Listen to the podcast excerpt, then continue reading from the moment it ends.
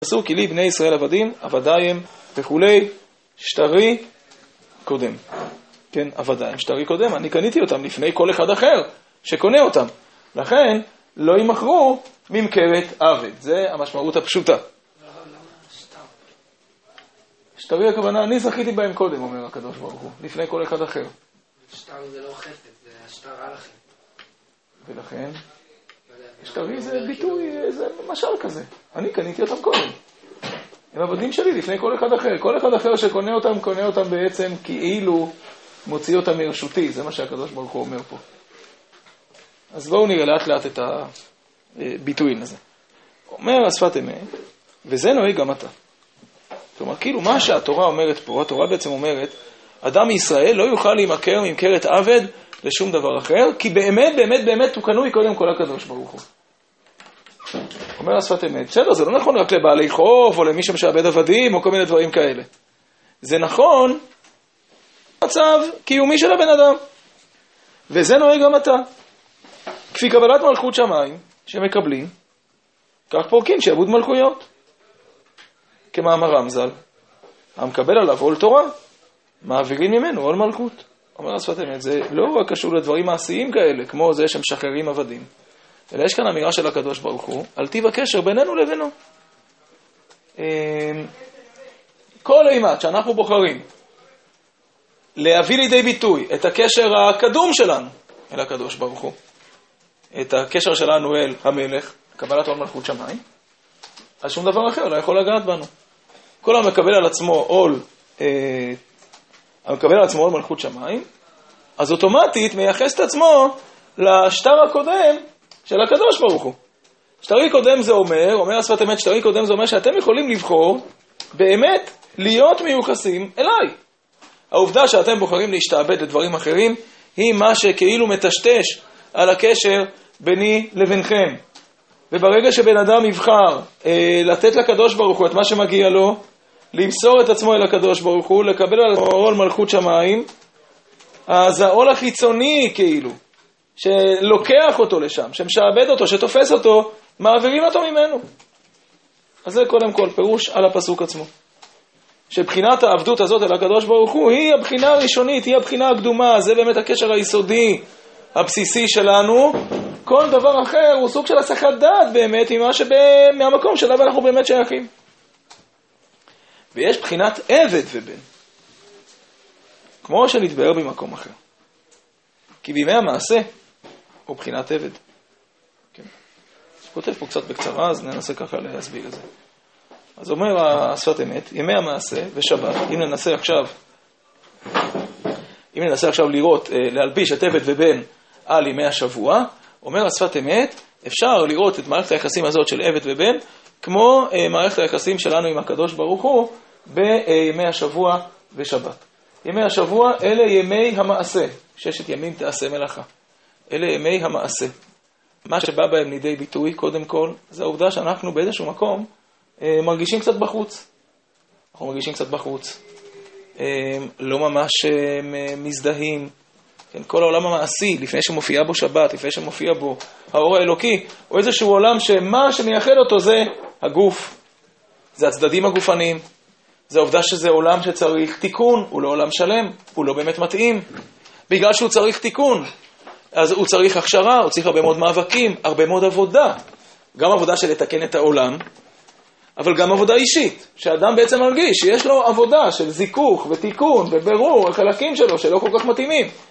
כלומר, מה שבא לידי ביטוי בימי המעשה, זה גם העובדה שיש איזשהו מרחק בינינו לבין הקדוש ברוך הוא, וגם שהמרחק הזה מאלץ אותנו לעשות הרבה מאוד עבודה.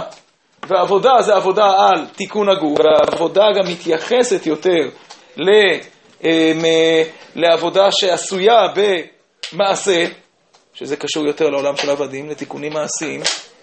אמ, והיא מבטאת, אני אומר עוד פעם, שמה, כאילו, בעולם המעשי הזה, מה שבסוף, השאלה, האם גיליתי את הקשר או לא גיליתי את הקשר, זו השאלה עד כמה הצלחתי באמת לעשות, לשפר, לתקן, אז הכל נמדד בפרמטרים האלה, המעשיים, אלה שבהם אנחנו פוגשים ישר שיש איזשהו מרחק בינינו לבין הקדוש ברוך הוא, זה לא הדבר הכי טבעי לנו, זה לא הדבר הכי מהותי לנו, זה לא הדבר שאנחנו הכי מזדהים איתו.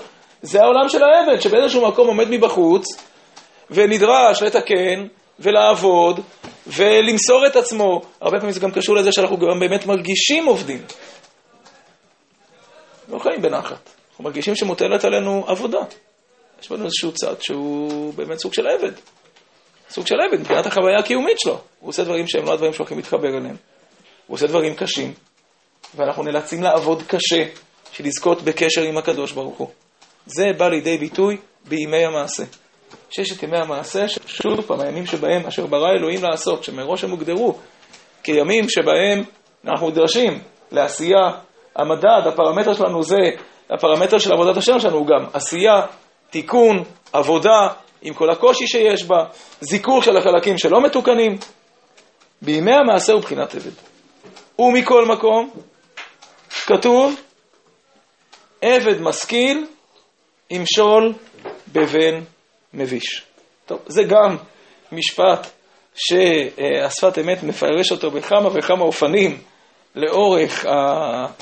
לאורך השנים בפרשות השונות, אבל אה, בואו נראה את הפירוש המציע לזה פה. אה, אז הוא אומר, עבד משכיל, עם כל זה, כן? זה פשוט לראות איך הוא מסביר את זה פה. ראינו, נדמה לי שראינו השנה פירושים לזה אחרים, גם פרשת קיסרה. אבל uh, נראה פה עכשיו איך הוא מסביר. אז מה זה עבד משכיל? יש עבד, יש אדם, שהוא אומנם עובד את עבודת העבד, אבל עדיין הוא לא עבד סתם. זאת אומרת, יש עבד שהוא עבד לא משכיל. באמת באמת לא מכיר הכרה פנימית בשום צורה את הקדוש ברוך הוא.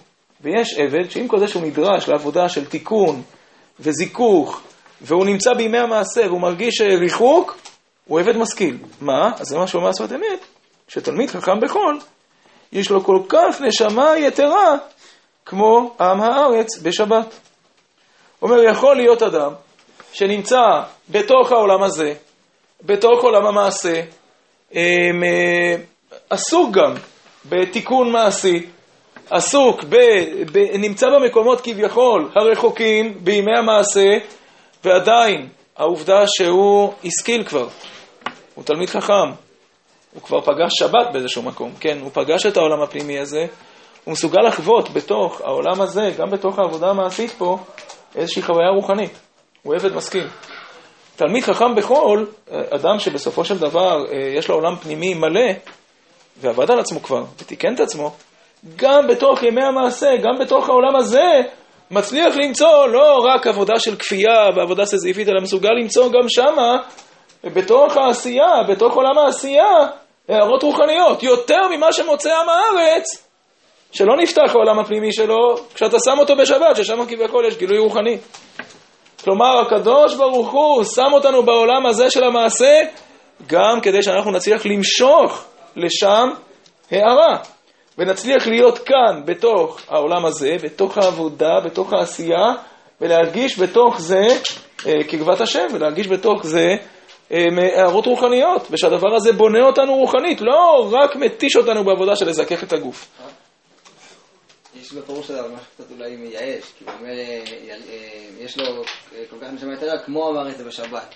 נכון. לא יותר, כלומר, לא משנה כמה זה חייב מתאבד במהלך השבוע, הוא אה, מגיע ל... לא, הוא מתכוון להגיד שאמרת בשבת מגיע לנשמה יתרה, ותלמיד חכם גם בחול מרגיש נשמה יתרה. נשמה יתרה בשפת אמת זה הערה יתרה של הנשמה, כאילו זה המושג נשמה יתרה, סתם, הוא מסביר את זה הרבה מאוד פעמים. נשמה יתרה זה אומר שיש, אה, הנשמה בדרך כלל חסומה, ובשבת פתאום המחסומים שלה נפרצים, אתה מרגיש אותה זורמת בצורה טבעית ושופעת.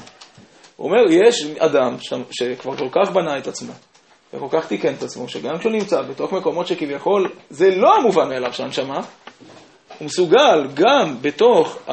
גם בתוך הגוף, גם בתוך העשייה, גם בתוך האתגרים של העולם הזה, הנשמה שלו מהירה. הנשמה שלו מהירה, העולם הרוחני שלו מהירה. פוגש גם שמה אה, קדושה, הערה רוחנית, תוכן, משמעות, משמעות פנימית. ובעת עניינים אלו, עכשיו הוא ממשיך, אז עבד ובן. בית עניינים אלו הם בחינת התורה והמצוות. כן, כבר קצת רמזנו את זה קודם. תורה זה בחינת בן. מצוות זה בחינת עבד. מצוות זה הוראות מעשיות. כן, תורה זה ביטוי לכל העולם הפנימי, המופשט. נר מצווה ותורה אור. אז האור, אה, מה זה האור? האור זה כל העולם הרוחני שבאמת הוא לא מוגדר למקום. הוא לא מוגדר במקום, במעשה מסוים, הפוך, הוא שייך למימד אחר לגמרי. זה תורה.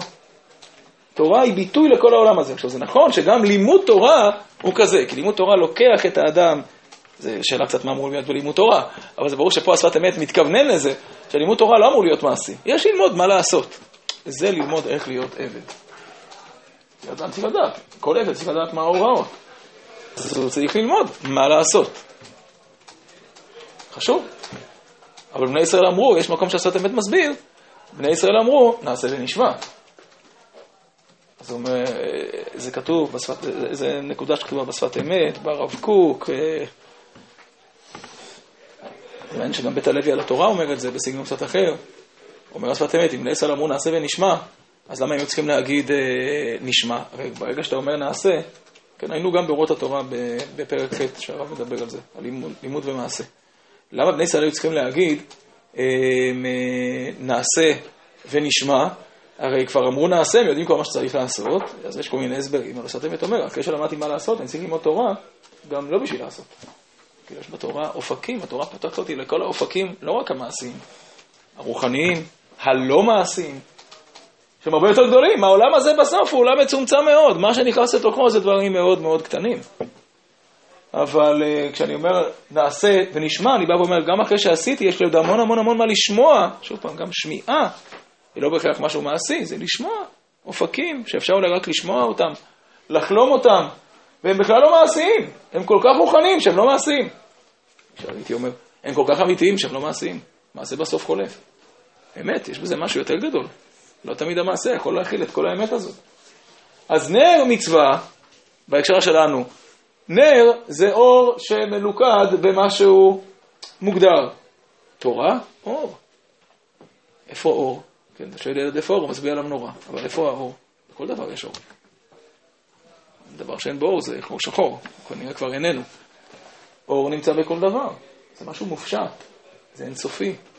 התורה לוקחת אותנו למרחב שהוא אינסופי, משחררת אותנו מהשאלה אם עושים עכשיו או לא עושים עכשיו. מפגישה אותנו עם הרצון האלוקי לפני השאלה מה צריך לעשות. וזה קשור לבחינת בנים. זה קשור לאותה בחינה שלא מודדת הכל בשאלה מה עשיתי, מה לא עשיתי. מצוות זה אומר שגם אחרי שאתה חולם חלומות אינסופיים על קשר עם הקדוש ברוך הוא, ועל אופקים אינסופיים ושאיפות אינסופיות, בסוף גם צריך לעשות מהדבר הזה משהו. ויש משהו שצריך להוריד לעולם המעשה ולעשות מצווה. זה הצד של העבד, שמתקיים בגוף. התורה לא מתקיימת בהכרח בגוף. כן, אדם לא... זה, זה שני צדדים שיש לנו בלימוד תורה. מצד אחד זה מצווה שצריך לדבר, אבל מצד שני, זה פותח דווקא את העולמות הפנימיים, את המחשבה, את הרצון, את הדמיון, את, ה, את, ה, את, ה, את כל העולם הפנימי, שהוא לא בהכרח מצומצם לגוף, אלא הוא, יש לו אופקים אינסופיים. לא מצומצם למעשה מסוים, לרגע מסוים. הוא כל הזמן מלווה. אז זה תורה. ומכל מקום, צריך, אז הוא אומר, השפת אמת, יש לנו פה, אז עוד פעם, יש לנו בן, הוא התחיל מזה שיש לנו קבלת המלכות שמיים. ויש בן, ש, ויש uh, עבד משכיל, שהוא עסוק בעולם המעשה, אבל הוא מצליח להביא לידי ביטוי גם את העולם הפנימי. אבל אומר, בעצם יש לנו מושג של עבד ובן, שכנגד זה זה תורה, אה, בן ועבד, שכנגד זה זה תורה ומצוות, שפה זה יותר מחודד למקום המעשי והאינסופי, המופשט, החופשי לגמרי, ומכל מקום צריך כל אחד לקבל על עצמו, כן, עול מלכות שמיים ועול מצוות. וזה פירוש הפסוק, עבדיים, כמו שנאמר, ישראל אשר בך את פער.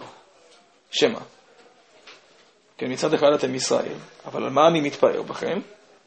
שזה תפארת למקום, ברוך הוא, במה שבני ישראל מקבלים עול עבדות עליהם, אם כי הם באמת בנים. כלומר, בני ישראל, למרות שהם כאילו קרובים לקדוש ברוך הוא, והייתי אומר, והעולם המעשי הזה קטן עליהם. והשאלה מה הם עושים ועד כמה הם יורדים פה לתוך העולם הזה, העולם המעשי הזה. זה לא הנקודה שלהם, הם שייכים לעולם אחר לגמרי. כן, הבן שייך פנימה, אל הארמון, להיות עם המלך, לשבת לו על הברכיים, להזדהות איתו, להיות חלק ממנו. הוא לא צריך לקחת על עצמו לעשות ולהגשים ולמלא את כל הרצונות של המלך מחוץ לארמון. זה תן לאנשים אחרים לעשות, זה לא המקום שלנו. אבל אנחנו, למרות שאנחנו מרגישים איזשהו קשר בלתי אמצעי לקדוש ברוך הוא, ואנחנו באמת שייכים לעולמות הרבה יותר גבוהים והרבה יותר רחבים והרבה יותר עמוקים מאשר העולם הזה, אנחנו באים ואומרים, אנחנו מקבלים על עצמנו את העול של לעבוד ולתקן ולהופיע את הקדוש ברוך הוא גם בתוך גוף וגם בתוך העולם הזה וגם בתוך המצוות וגם בתוך המעשים. ואין זה שבח של בני ישראל בלבד, אבל הוא עדות אמת על הבורא יתברך.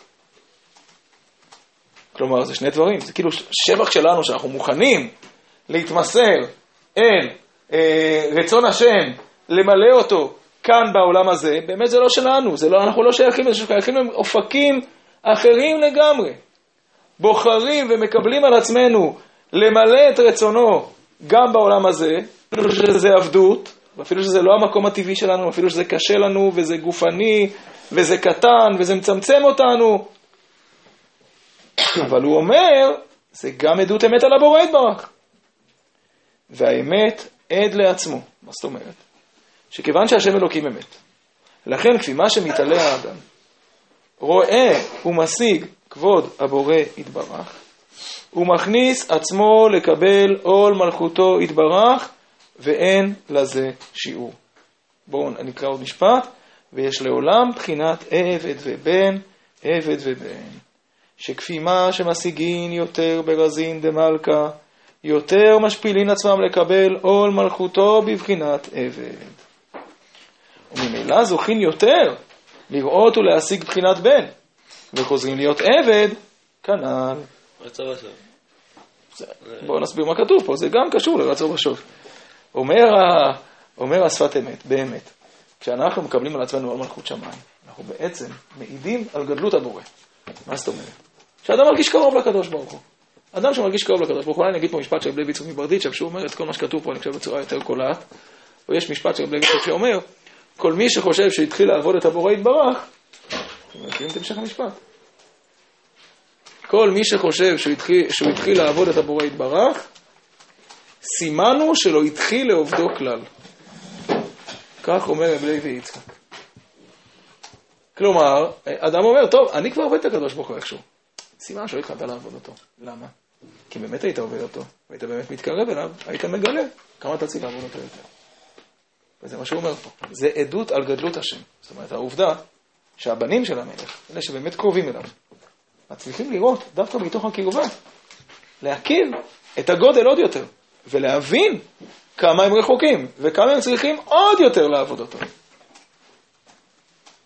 ואז, דווקא בגלל העובדה שאנחנו שמים את עצמנו במקום, במקום הנכון, של לעבוד אותו, של להיות תחתיו, של להתבטל אליו, של להתמסר לזה עוד יותר, אז שוב פעם, זה מכוון אותנו עוד יותר אל הגודל, ואנחנו מסוגלים פתאום לקלוט דווקא את הגודל יותר, וככה להתקרב. אבל כשהתקרבנו אנחנו פתאום מגלים כמה שנותר לנו עוד, וכמה הגודל הזה עוד יותר גדול ממה שראינו.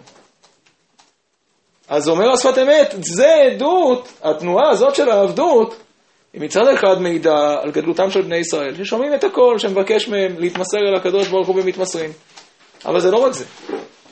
אלא זה בעצם תנועה נפשית שהיא מכוונת אותנו אל המקור האלוקי, היא מכוונת אותנו אל, ה... מכוונת אותנו אל הפוקוס, שמה אותנו בפוקוס, אל מה באמת עומד מולנו, והעובדה שאנחנו מכוונים אל הגודל האלוקי ומבינים את הקדות שלנו לעומתו, זה הפרופורציה האמיתית, שכנראה שיכול להבין אותה רק מישהו מצד אחד קרוב, אבל מצד שני הוא לא קרוב שבא ואומר לעצמו, טוב, אני קרוב, וזהו, אלא הקרבה שלו פותחת אותו להבחין כמה הוא רחוק.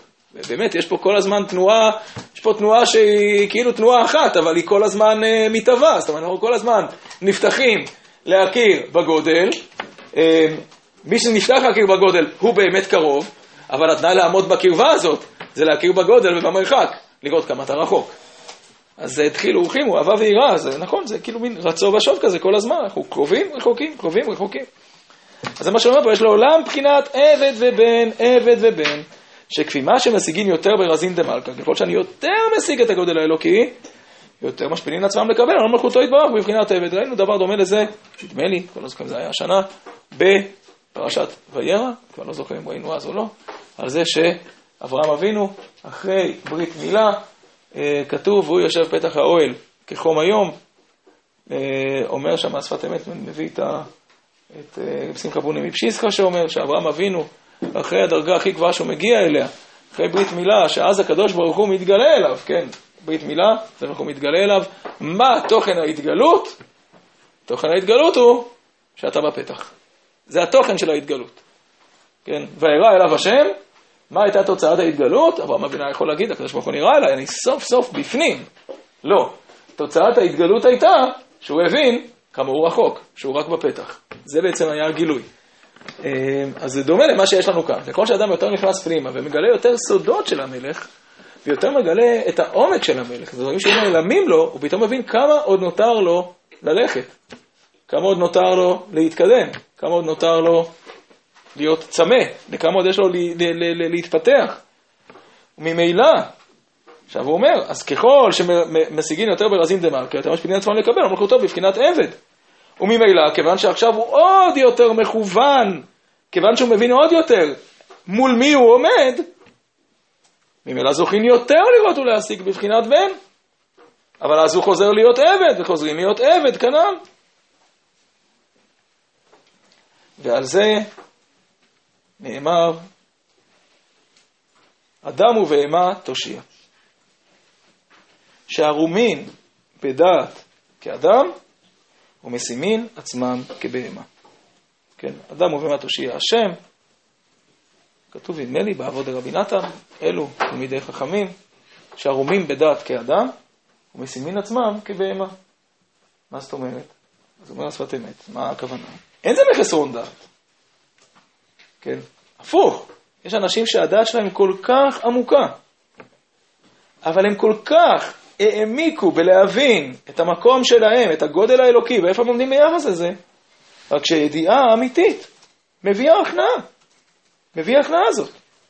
להבחין כי מותר האדם עין. ולכן לעולם, הוא חוזר עכשיו להסביר לנו את הפסוק, כן, לכאורה מה אנחנו, בנים או עבדים, כן, אנחנו בנים או עבדים, אז אומר השפת אמת, פה כתוב כי לי בני ישראל עבדים. לעולם, אומר השפת אמת, לי בני ישראל עבדים. אף אם יעלו בגובי מרומים, כלומר גם אם הם יהיו בנים, זה לא משנה, גם אם הם יגיעו למדרגה הכי גבוהה של בנים, אם הם באמת יהיו בנים, שיפתחו, העמדה שם של הבנים לא תהיה רק עמדת סחבק כזאת להגיד, אנחנו אחוז של הקדוש ברוך הוא והכל בסדר, אלא הם יהיו באמת בנים, שמביאים לידי ביטוי את היכולת שלהם להתקרב אל הקדוש ברוך הוא. בכל תנועה של התקרבות, אנחנו נגלה כמה אנחנו צריכים להתבטל אליו. ככל שנהיה יותר ערומים בדעת כאדם, יותר נתמסר להבין כמה אנחנו צריכים ללכת אחריו, עד כמה אנחנו קטנים, עד כמה הקדוש ברוך הוא גדול, ולכן לעולם כי לי בני ישראל עבדים, אף אם יעלו בגובי מרומים, נשארים עבדים נאמנים. ועל זה נאמר, עבדי אתה, ישראל אשר בך אתפאר. כלומר, ישראל אשר בך אתפאר זאת כאילו המדרגה הגבוהה של עם ישראל. בדרך כלל כשאומרים על מדרגת עבד, מדובר על בחינת יעקב, מדרגה של עקב, מדרגה רחוקה, הפחות תבונתית. פה פתאום אומרים, עבדי אתה, ישראל אשר בך אתפאר. ישראל זה לי ראש, זה הבחינה הפנימית, העולם של ההשגה הפנימית שלנו. פה אומר לנו השפת אמת, תראה איך שבפסוק זה מחובר. דווקא המדרגה של ישראל היא המדרגה שמביאה אותנו לעבדות עמוקה. בהקשר הזה אני חושב שגם צריכים להבין שיש עבד ויש עבד. יש עבד ויש עבד, זאת אומרת, יש עבד שהנקודה היא באמת הבעה החיצונית, הוא כופה את עצמו ועושה מה שרוצים ממנו.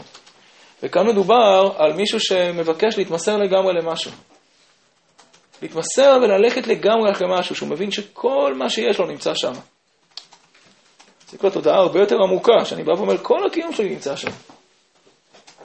כל הקיום שלי נמצא שם, אני לגמרי לגמרי לגמרי מתמסר ללכת אחרי הדבר הזה, כי נחשפתי לזה שבאמת זה המקור של הכל, שם יש הכל. זה מקור החיים.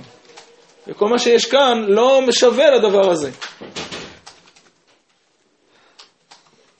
עכשיו בואו נראה פה דבר יפה שהוא כותב.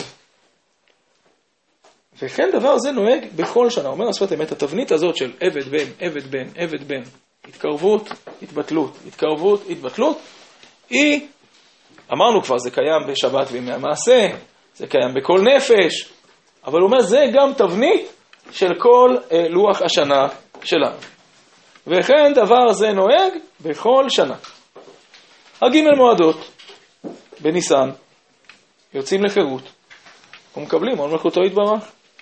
כל ימי הספירה, מבחינת עבדים, עושי דברו, כמו שנתבהר להם. כלומר, בניסן אנחנו עוד לא קיבלנו את התורה, הרי, כן? עוד לא שייכים למדרגה הזאת של להיות שותפים, של להבין, שהקדוש ברוך הוא מסביר לנו, מדבר אלינו. זה עוד לא קורה בניסן. בניסן, עם ישראל יוצא ממצרים, עוד לא יודע לאן הוא הולך, עוד לא אמרנו נשמע, עוד לא שמענו כלום, עוד לא מבינים את התוכן הפנימי של מה המשמעות של להיות עבדי השם או של להיות עם השם. זה עוד לא קרה. תורה זה כבר השותפות שלנו, ביצירה, בהבנה, בהפנמה, בחידוש. זה מתן תורה, זה קורה בשבועות. ניסן, אומרים לנו תצאו, עללו עבדי השם ולא עבדי פרעה. כן, כך אומר המדרש. עללו עבדי השם, עללו את שם השם, עללו עבדי השם ולא עבדי פרעה. רגע היינו עבדים של פרעה. אמרו לנו לצאת ממצרים, ידענו בדיוק אחרי מה, הבנו שיש שם מלך גדול, הלכנו אחריו. לכתך אחריי במדבר, וארץ לא זרועה, כך אומר שפת אמת, אמת ספירת העומר, זה לכתך אחריי במדבר, בארץ לא זרועה. מה זאת אומרת? עוד לא גיליתי לכם כלום, הארץ עוד לא זרועה, אתם בעצם הולכים אחריי, אתם עוד לא גיליתם אותי פנים בפנים, כמו שמתרחש במעמד הר סיני. הולכים אחרי השם. כי הוא אמר, קנאת עבדים. כל ספירת העומר זה גם תיקון של הנפש, זה תיקון המידות, זה תיקון הנפש. אה, כל התיקון של החלקים המקולקלים שלנו, שראינו קודם, שזה קשור לעבודת עבד. עוד לא גילינו את העולם הפנימי המשותף. לנו שיש המון דברים שצריך לתקן, המון חלקים פגומים, צריך לעשות על זה עבודה.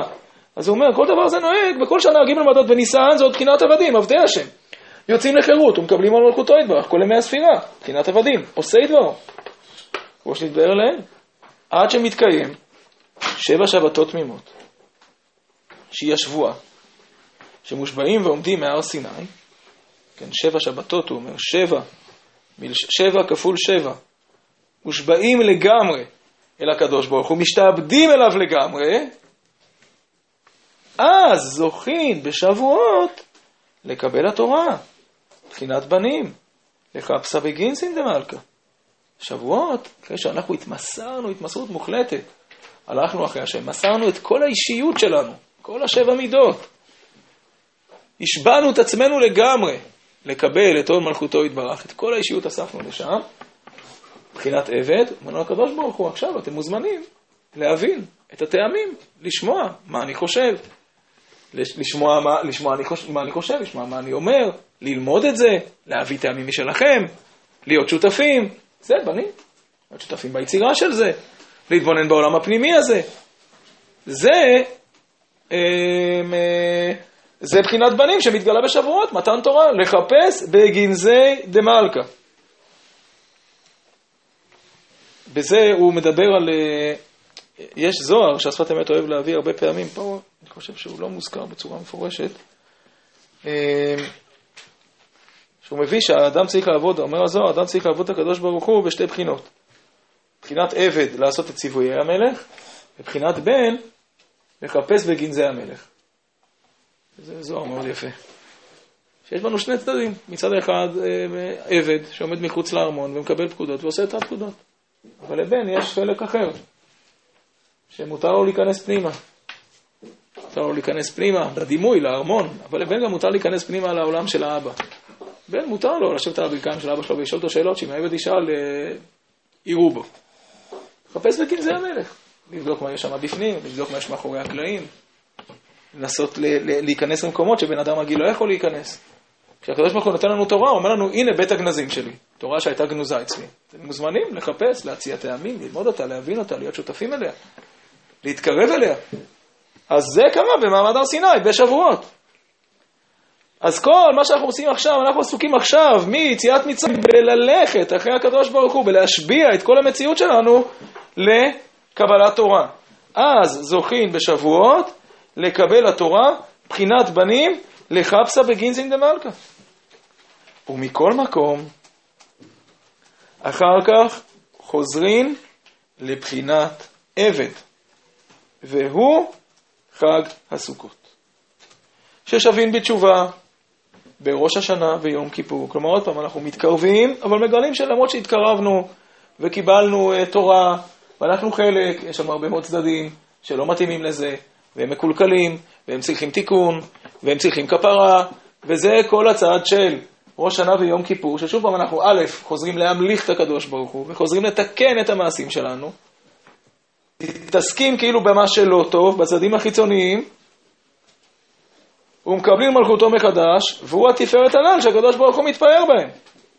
כן, עכשיו אפשר לראות את זה ככה, ואפשר לראות את זה שוב, לאור מה שהוא uh, תיאר קודם, שבעצם ראש שנה ויום כיפור זה מדרגה מעל מתן תורה.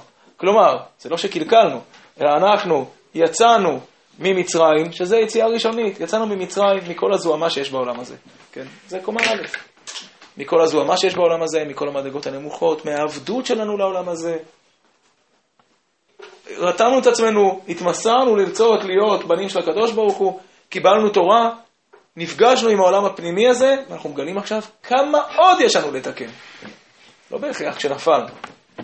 להפוך, אחרי קבלת תורה, שנעשינו בנים, כמו שראינו קודם, נפתח לנו עכשיו אופק נוסף של דברים שצריך לתקן. לא ראינו את זה קודם, לפני כן לא הייתה תורה.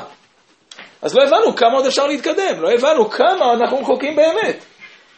אמרו לנו ללכת, הלכנו, זה איזושהי כפייה חיצונית. אבל עכשיו, אחרי שפגשנו את התורה, אנחנו פתאום מגלים עוד יותר, מעיר לנו עוד יותר, הקוטן שלנו, או כמה, מה צריך תיקון, כמה אפשר להתקבל. התשובה עכשיו זה תשובה, מה שקורא הרב קוק, זה תשובה עליונה, יש תשובת התאה, שזה תשובה על הצדדים הנמוכים שלנו, על הפחיתויות שלנו, ויש תשובה שהיא אינסופית להתקרב אל הקדוש ברוך הוא. אחרי שקיבלנו תורה, נפתח לנו, נפתח לנו שערים אדירים עכשיו, להמשיך בתיקון ולקבל את מלכותו עכשיו בצורה אחרת, הרבה יותר גדולה מקודם. אז דווקא הצד הזה של הבנים, שנחשף אלינו במתן תורה, פותח לנו פתאום שערים לתשובה חדשה, בראש שנה ויום כיפור. זה עוד קומה להתקדם. וזה, זה מה שיוצר את חג הסוכות. חיבה יתרה. כן, חג הסוכות, אנחנו נכנסים אחרי זה לארמונו של מלך, אנחנו נמצאים בצילה דמאמנותא. זה כבר תוצאה של מדרגה עוד יותר גבוהה.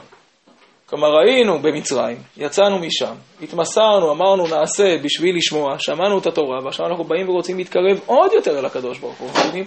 כמה עוד יותר נותר לנו לעבוד, כמה עוד יותר נותר לנו לתקן. כתוצאה מזה אנחנו מגיעים למדרגה יותר גבוהה, לחג סוכות. בסדר, וחוזר חלילה כל שנה. וזה חג הסוכות, חיבה יתרה, שכפי מה שבני ישראל עושים, ככה הקדוש ברוך הוא פורע להם מידה במידה. אומר השפת אמת, זה קורה במעגל השנה כולו, וכן יש מעניין זה בכל יום, שהוא קבלת עול מלכות שמיים בבוקר, וזוכין על ידי זה לתורה כל אחד לפי מדרגתו, כל אדם קם בבוקר, הוא מקבל על עצמו מלכות שמיים, הוא מזכיר יציאת מצרים, כן? כל אחד מאיתנו מקבל על עצמו מלכות שמיים, זוכר את יציאת מצרים, זוטה, זיכרון, שגם התנועה הזאת מתרחשת בכל יום. ואחרי זה במהלך כל היום מקבל על עצמו איזושהי תורה שמחכה לו ביום הזה, ובערב, אחרי שהוא קיבל תורה, אחרי שהוא עבר מה שעבר ביום, חוזר עוד פעם, אבל לקבל מלכות שמיים אחרת, לקבל מלכותו יתברך. ובחינת עבד הבית הוא יותר מעלה כמובן למשכילים. כן? העבד הראשון הוא עבד קטן, זה מה שהסברנו קודם. יש עבד שהוא לא מרגיש כלום, והוא צריך לכפות את עצמו לגמרי. יש תנועה אחת של העבדות, מה שנקרא בלשון החסידים יראת התאה, יש יראת התאה. שזה בא ואומר, אני לא מרגיש, אני לא מבין, אבל אמרו לי, אז אני עושה. זה באמת קשה מאוד, אני כופה את עצמי. ומה שאני לא לגמרי מבין, אני מאמין שזה נכון, אבל לא מרגיש כלום. יראה הילאה זה מצב שאדם פוגש את הגודל, ומבין כשהוא פוגש את הגודל שהוא צריך להתבטל אליו לגמרי. זה כבר לא, אני לא צריך לכפות את עצמי בשביל להתבטל. פשוט רואה את הגודל הזה, מכיר בו, ומבין את זה בהבנה פנימית, שאני נבלע בתוך הדבר הזה. מה? אז זה, זה, זה כל הזמן.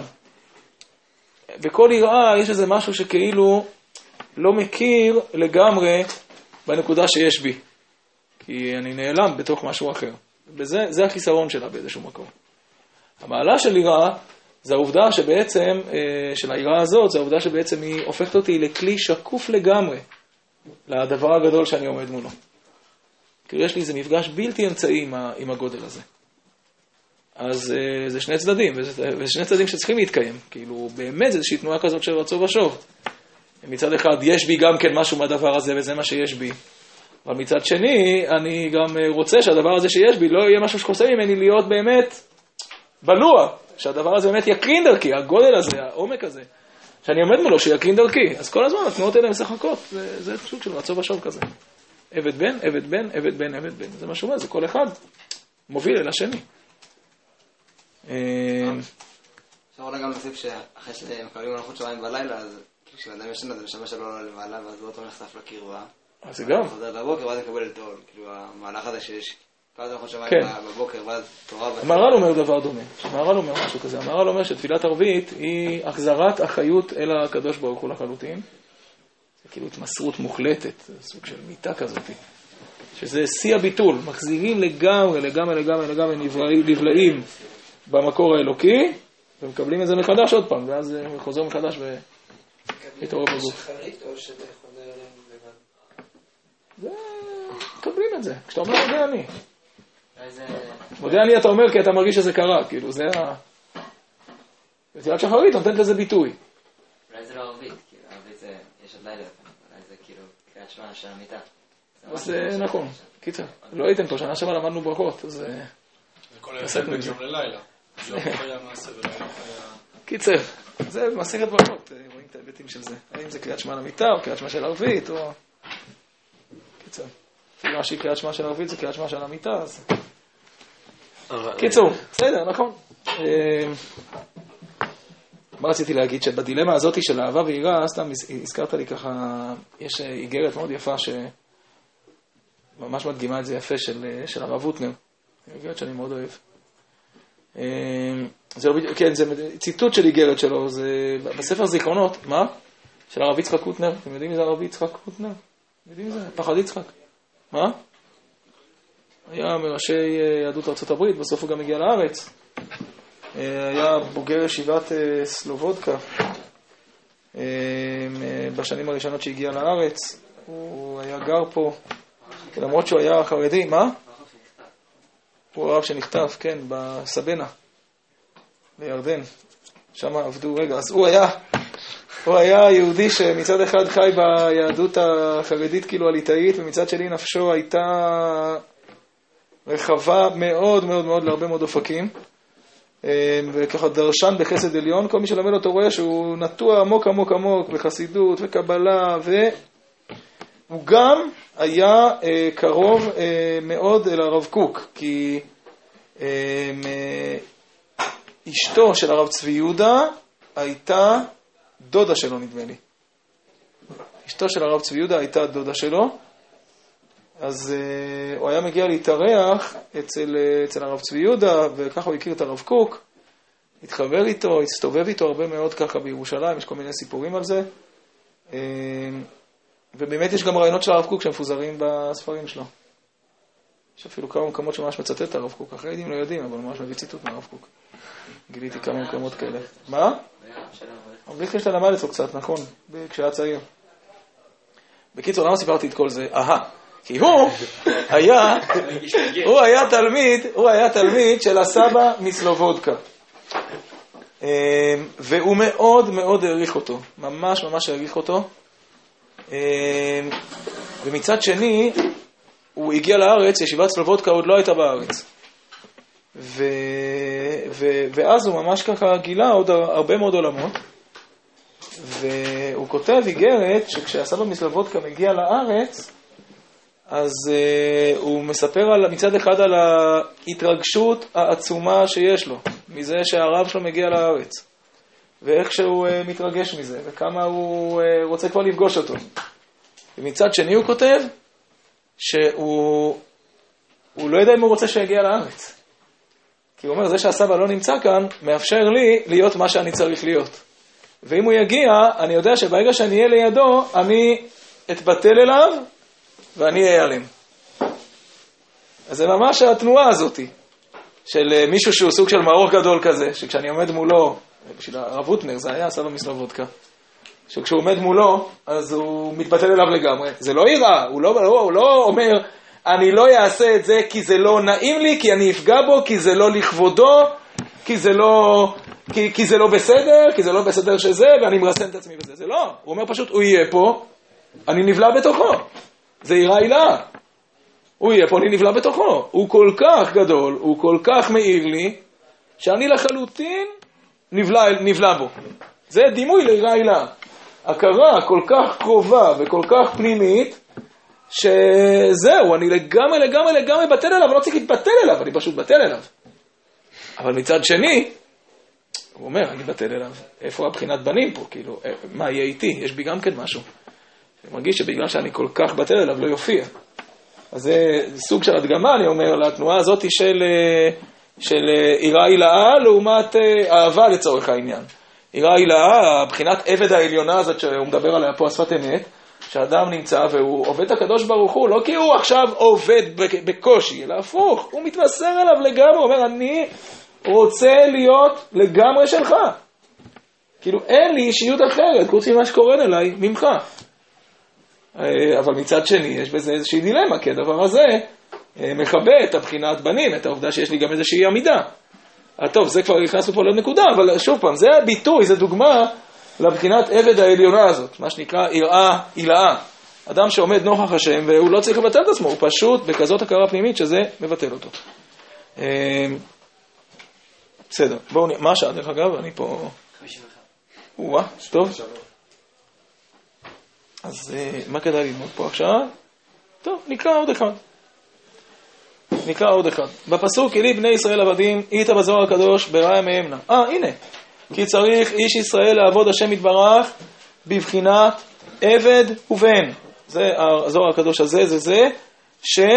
אה, לעשות מצוות המלך, עבד זה מי שמקיים את ההוראות, ובן זה לחפש בגנזי המלך. אגב, זה באמת דוגמה טובה מאוד לשאלה, זו תשובה מצוינת, כבר רמזתי את זה קודם, לשאלה למה לא ללמוד רק הלכה. כן? אדם יכול לשאול את עצמו, למה לומדים בישיבה עיון ולא לומדים הלכה למעשה? התשובה היא, כי אנחנו רוצים להיות בנים ולא רק עבדים. ללמוד הלכה למעשה זה מאוד חשוב, אבל זה ללמוד להיות עבדים מצוינים. זה חשוב, כן, זה חשוב ללמוד להיות עבדים מצוינים. אבל בנים, אה, לא מעניין אותם רק מה לעשות. בנים מעניין אותם מה אבא חושב. מעניין אותם מה אבא חושב, מה אבא רוצה, מה אבא חושב שהוא לא מעז אפילו להגיד לעשות, איזה דברים היה אפשר לשחק עם המחשבה שלו, להשתעשע בה, לחפש שם טעמים. אה, גם אם זה לא למעשה בכלל.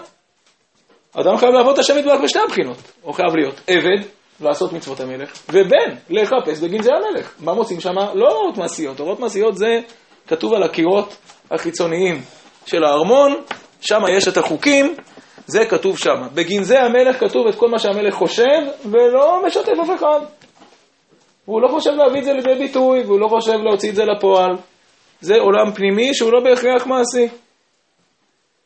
אז לעבוד השם יתברך מבחינת עבד ובן. כי הנה בנים אתם ובוודאי הנשמות. מה שפת אמת? יש בן ועבד. בן, למה מתייחס המושג בן? לנשמות, שהם חלק אלוקי ממעל. אז יש בנו צד אחד, כמו שהתחלנו קודם, יש בנו צד אחד של בנים, שזה, איפה זה מתקיים? בנשמה. הנשמה היא חלק, כמו שבן הוא חלק של האבא, וזה לא שאלה של מה הוא בוחר לעשות, מה הוא בוחר להיות, הוא פשוט כזה. יש בו חתיכה מחיי האבא, באדם יש חתיכה מהקדוש ברוך הוא. יש פה קשר פנימי לקדוש ברוך הוא. נשמה. ובגוף, מבחינת עבד. צריכים להיות עבד לנשמה. לקוף ולבטל הגוף. והם בית יצירות, כדכתיב וייצר. הקדוש ברוך הוא באמת, הוא אומר, אומר השפת אמת, פה זו נקודה מאוד חשובה, היא מופיעה בעוד מקומות. תזכרו אותה לעוד מקומות, אומר השפת אמת, אדם לפעמים מרגיש שיש בו שני צדדים. ברור, יש בך שתי יצירות. מצד אחד אני מרגיש שאני מתחבר, מצד שני אני מרגיש שאני לא מתחבר, אני מרגיש שפה קשה לי, פה קל לי, פה זה טבעי לי, פה אני רחוק. ברור, אתה באמת עם שני הדברים האלה, וייצר. יצירה בעולם הזה ובעולם הבא. יש בך חלק עולם הבא, יש לך חלק עולם הזה, פשוט. באמת נבראנו בשניים, בבחינת עולם הזה, בבחינת עולם הבא, בבחינת עבד, בבחינת בן. והוא יצר טוב, העולם הפנימי הזה, ויצר הרע. למרות שאפשר לדייק פה שהעולם הבא זה יצר הרע, נכון? יצירה בעולם הזה, יצירה בעולם הבא, מבחינת יצר טוב ויצר הרע. אז איפה יצר הרע נמצא? בעולם הבא. מה? כמובן. היצר הרע זה העולם הבא שלנו. טוב, זה העולם הזה, זה בקטנה. קיצר, אפשר היה לדייק את זה. אם היינו קרוב לפורים זה כנראה היה נכון, אבל אנחנו כרגע הולכים לשבועות, אז אני לא בטוח שהדיוק הזה נכון, וצריך להגיד שיש פה בעצם, אה, נו, אה, נו, אה, איך קוראים לזה? אה, מבנה חייסטי ולא מבנה מקביל. כך צריך לתרץ את הדבר הזה. ולכן, אבל אפשר להשתעשע גם במחשבה. איך יצר טוב הוא עולם הזה, ויצר הרע הוא בעצם אה, עולם הרע. רע טוב מאוד. מה? אפשר, אפשר, הרבה דברים, כן. ולכן צריכים לעבוד השם יתברך, בהתחילו ורחימו. הנה, שוב, הוא חוזר למושגים האלה של יראה ואהבה. אהבה, שוב פעם, אהבה זה ביטוי לקשר, זה ביטוי לזה שיש בי משהו ממך, יש בינינו זהות, יש בינינו הזדהות, יש בינינו נקודה מקשרת. אהבה לבחינת הנשמה, שנמשכת אחר הצורה, באהבה ותשוקה, כלומר אהבה זה בדיוק ביטוי לנקודה שקשורה בנו אל הקדוש ברוך הוא, נשארת אחריו בצורה טבעית, היא מבטאת את זה שאנחנו מחוברים. וצריך לעבוד השם יתברך באהבה ולתת ביטוי לצד הטבעי, הפשוט הזה, שמתקיים בנשמה. והיראה, עבודה בחינת יראה, שבאה בא לידי ביטוי הריחוק והתיקון והעובדה שאנחנו לא זהים ויש בי משהו שצריך יישור וריסון, זה נצרך אל הגוף, שהוא בחינת היצר הרע. הנה פה כותב שהגוף בחינת יצר הרע, אין מה לעשות. שהגוף הוא בחינת יצר הרע. ולכן מבקשים יחד, אה, יחד לבבנו לאהבה וליראה. לבבנו כאילו לא ליבנו, אלא לבבנו. תן לנו את שני הלבבות האלה, תייחד אותם לאהבה וליראה. לב אחד לאהבה, לב אחד ליראה, וששני הדברים האלה יתקיימו בנו כתנועה אחת, כדבר אחד, שני הצדדים קיימים. להיות בכל לבבך, בשני יצריך, יצר טוב באהבה, ויצר הרע ביראה. ובוודאי השעבוד שיוכל איש ישראל להשתעבד הוא רק בגוף. ועל זה נאמר, כלומר עוד פעם, השעבוד שיוכל איש ישראל להשתעבד, שוב פעם, לדברים אחרים. הנשמה כל הזמן שייכת לקדוש ברוך הוא. חלק אלוקה ממעל. זה, אני לא יכול לקחת אותה. זה הנקודה שהקדוש ברוך הוא נתן בי, לא יכול לקחת אותה למקום אחר. אז איזה עולמות אני כן יכול למסור לדברים אחרים? את העולמות החיצוניים האלה, את הגוף. אז השעבוד שיכול איש ישראל להשתעבד למשהו אחר, הוא רק בגוף. ועל זה נאמר גם כן, גם על הגוף נאמר, עבדי הם אשר הוצאתי וכולי מארץ מצרים. כי רק הגופות היו משועבדים לפרעה. ואף על פי כן הוציאנו השם יתברך להיות עבדי השם גם בגוף וגשמיות. כלומר, כשאנחנו אומרים עבדיים אשר הוצאתי אותם מארץ מצרים, זה אומר מה שהיה משועבד לפרעה, הנשמה, העולם הפנימי בכלל היה משועבד אליו. מה שהיה משועבד זה רק הגוף. גם את הגוף הפכתי להיות גוף קדוש. כי לבחינת בנים זכו בני ישראל בקבלת התורה שניתן להם הנשמה חדשה, וביציאת מצרים היו רק בחינת עבדים. כלומר, אומר השפת אמת, יצאנו ממצרים, התחדש בנו הבחינה של עבדות, לא לדברים אחרים, אלא שהגוף שלנו עכשיו מרגע זה הוא עבד השם.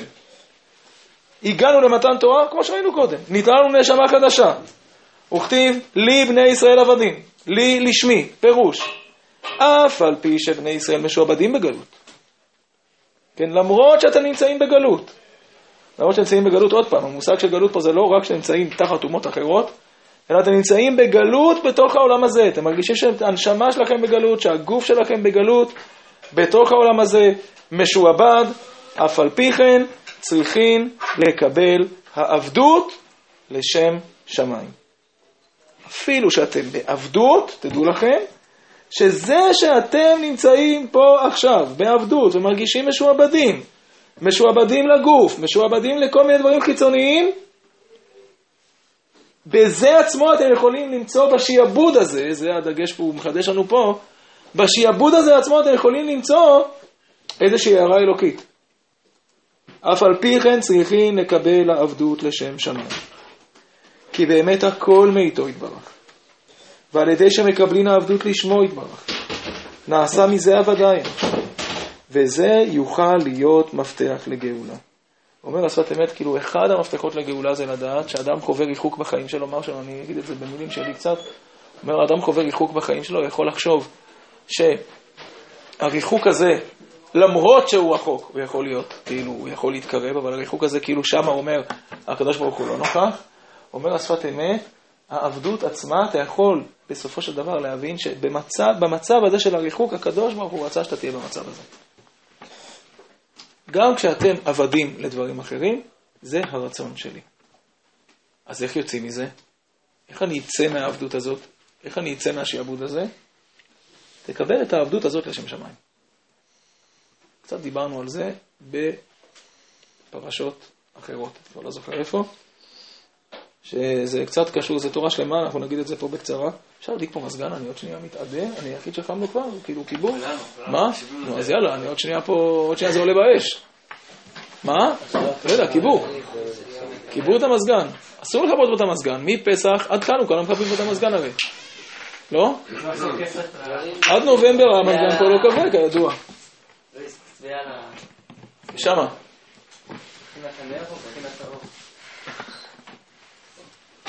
פה יש איזו נקודה שהיא מאוד עמוקה. אה, כן, הרבה פעמים אנחנו חושבים, המצב שבו, כשאנחנו נמצאים במצב של ריחוק, הנטייה הראשונית שלנו היא להגיד, נמצא במצב של ריחוק, במצב של אה, ירידה, במצב של נפילה, במצב של קושי בעבודת השם, אה, ודרך אגב זה נכון גם לקשיים יומיומיים, אז השאלה שאדם שואל את עצמו זה, איך אני נחלץ מהמקום הזה? ומה שהשפת אמת אומר זה, תקבל על עצמך את מצב העבדות. הפוך, אתה לא צריך להיכנס מהמקום הזה. הקדוש ברוך הוא רוצה עכשיו שתהיה רחוק, ותבין שכרגע זה המקום שלך. המפתח לגאולה נמצא בזה שאני מקבל על עצמי את המקום הנוכחי, ולא זה שאני מנסה עכשיו להיחלץ למשהו אחר. זה שאדם קודם כל אומר, אני, אני קודם כל מרפא, יש תנועה של הרפאיה. אני לא מנסה כרגע להיחלץ, לעשות, לזה, לזה. קודם כל אני מרפא. ברגע שאני מרפא, מסתבר שברגע שאני מרפא, אז אני מצליח להתחבר. אני מרפא כי אני מבין שפה נמצא משהו, וברגע שאני ארפא אני אצליח לשמוע גם מה הקדוש ברוך הוא רוצה ממני כאן. ואני אמצא את ההערה פה בפנים, בתוך המקום הנמוך שבו אני נמצא כרגע. עכשיו זה קשור לכל מיני דברים.